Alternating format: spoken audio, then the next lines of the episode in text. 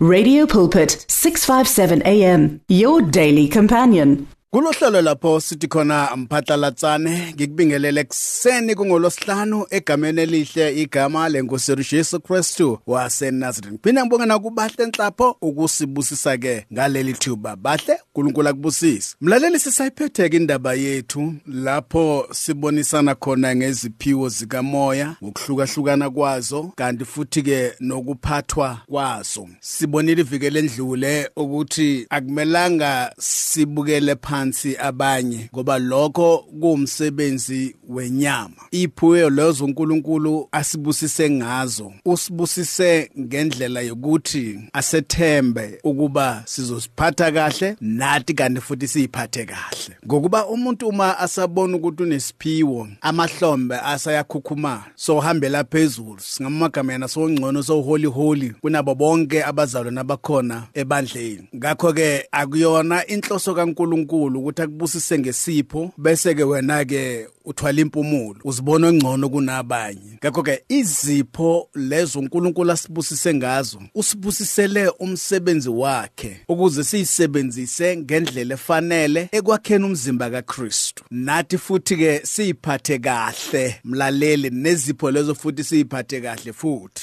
Udumo lonke kumele liye kuNkulunkulu akumelanga lize kithina mlaleli ukuba amandla lawo esiwasebenzisayo avela kuNkulunkulu. Ngithe kuwe unless uma ukuthi leso siphiwo usithengile lapho kungenza ngendlela owenza ngayo. Kepha ke uma kuyisiphiwo esivela kuNkulunkulu kumele uziphathe ngendlela leyo oyothokozisa uNkulunkulu. Kumele uziphathe ngendlela leyo uNkulunkulu afisa ukuba leyiphiwo siyiphathe ngayo. Kumele usebenzise ngendlela leyo uNkulunkulu afisa ukuba siyisebenzise ngayo. Banenge abantu ababanalezo iphiwo akuwena wokuqala onaleso siphiwo. Ngakho ke ake siye ezwini likaNkulunkulu sihlole kulabo uNkulunkulu ababusisa ngalephiwo ukuthi babeziphatha kanjani. Babeziphatha kanjani even nasemabandleni abo nasebantwini. Sifunde kubo mlaleli. Singamane nje sivele mina ngola umoya mina ngola umoya mina ngola umoya iBhayibheli lithi ke la kunomoya kaNkuluNkulu khona kukhona iorder. Manje kuza kanjani wena uholo umoya kaNkuluNkulu ungena order? iBhayibheli bese lithi ke umoya abaprofeti uthobela abaprofeti. Manje kuze kanjani wena lo moya ola kuwe ungathobeli abanye abaprofeti? That's why iBhayibheli lithi ke abanye baphiwa umoya wokuhlola. Sesiqale siyahlola ke manje ukuthi lo moya okuwe ongakwazi ukuthoba lo moya okuwe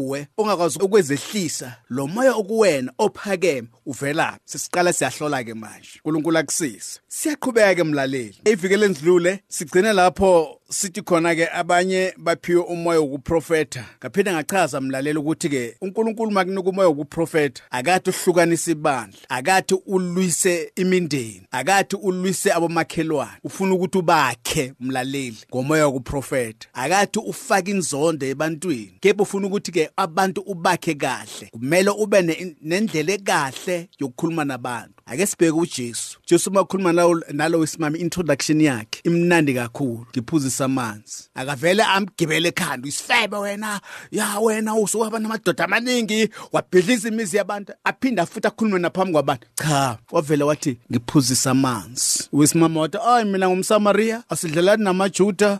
uJesu wathi kube bowazi ukuthi ubani lo othi kuye mphuzisa amanzi uma uzocela amanzi la lawo ozowaphuza ungaphinde ome. Wacala hayi aphathanga into yokukha? Wena into futhi waqhubeka lo isimama wathi aphathanga into yokukha manje uyokukha ngani? Qhubeka uJesu kancane kancane.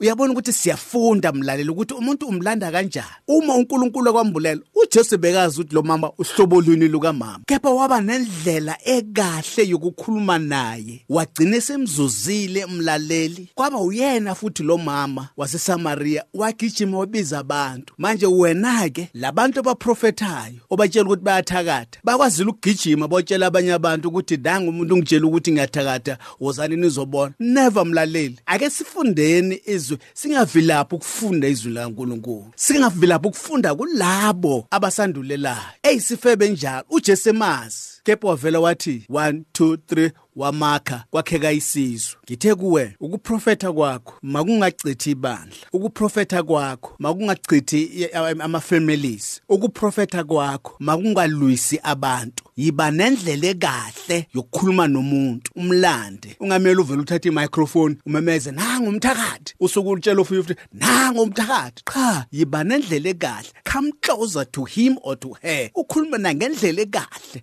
makhe mlaleli. uNkulunkulu uzokusiza ke kakhulu. Siyaqhubeka. Omunye ukukhuluma izilimi ngezilimi nomunye ukuhumusha izilimi. Usuyabona mlaleli? Omunye ukukhuluma ngezilimi ngezilimi. Omunye ukuhumusha. Ngakho ke kubalulekile mlaleli ngoba kuyokusiza ngani ukuthi ukhulume ngezilimi? Akekho umuntu okuzwayo. Abazwelayo bazwela nje umsindo bla bla bla bla bla bla bla. Kepha akakho ohumushayo ukuze ibandla lakheke. La izwi lenkosi lithi ke omunye uphiwe ukukhuluma ngezilimi omunye aphinde futhi enze njani? Ahumushe. Kwangathi uNkulunkulu angasisiza mlaleli ngoba ke abanye futhi esinye isipho sokukhuluma ngezilimi abanye ke mlaleli uma sekhuluma ngezilimi abanye labo babukela phansi. Nina namoya kaNkulunkulu anikhuluma ngezilimi. Yimi noma ngamama esifungathi uma umuntu ekhuluma ngezilimi udlula bonke abantu. Kepha kuyisipho sakhe leso uNkulunkulu amambulele sona. Ngakho ke akumelanga abukela abanye phansi futhi akumelanga aphoqelele nabanye ukuthi bakhulume ngezilimi.